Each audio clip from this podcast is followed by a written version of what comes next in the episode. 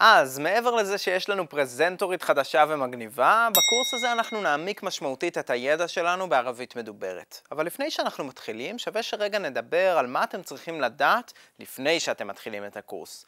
סביר להניח שחלקכם הגעתם לפה אחרי שעשיתם את קורס המתחילים של מדרסה, ערבית מדוברת מתחילים, וחלקכם מגיעים גם עם ידע ממקומות אחרים והחלטתם ישר להתחיל מקורס הממשיכים. בקורס הזה אנחנו נלמד מעל 500 מילים בערבית מדוברת. זאת כמות די רצינית של מילים, והיא אפילו עוד יותר רצינית, כשאנחנו מבינים שהמילים האלה הם בנוסף ל-500 מילים שכבר למדנו בקורס המתחילים.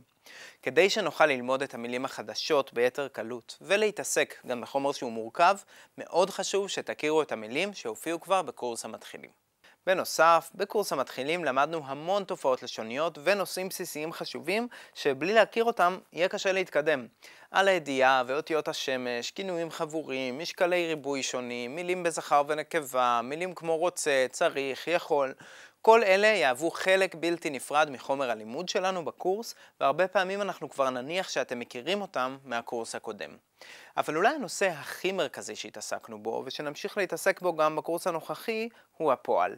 לכן, ממש חשוב שתכירו את צורת הפועל בהווה ובעתיד, אותה צורה שהתעסקנו בה בקורס הקודם, ותכירו את השימוש בקידומת ב' ואת המילים בידי, לאזם ומומקן שיכולות להופיע לפני הפועל, כי אלה יהיו בסיס ממש ממש חשוב למה שנלמד בשיעורים הקרובים. מה שבעצם אני מנסה להגיד פה זה שתעשו את קורס המתחילים. סתם, אתם יכולים להתחיל את הקורס הזה גם בלי קורס המתחילים, אבל יש סיכוי גדול שחלק מהמושגים והביטויים יהיו חדשים לכם, או שיהיו נושאים שיהיו לכם קצת מתקדמים. זה תלוי בכם.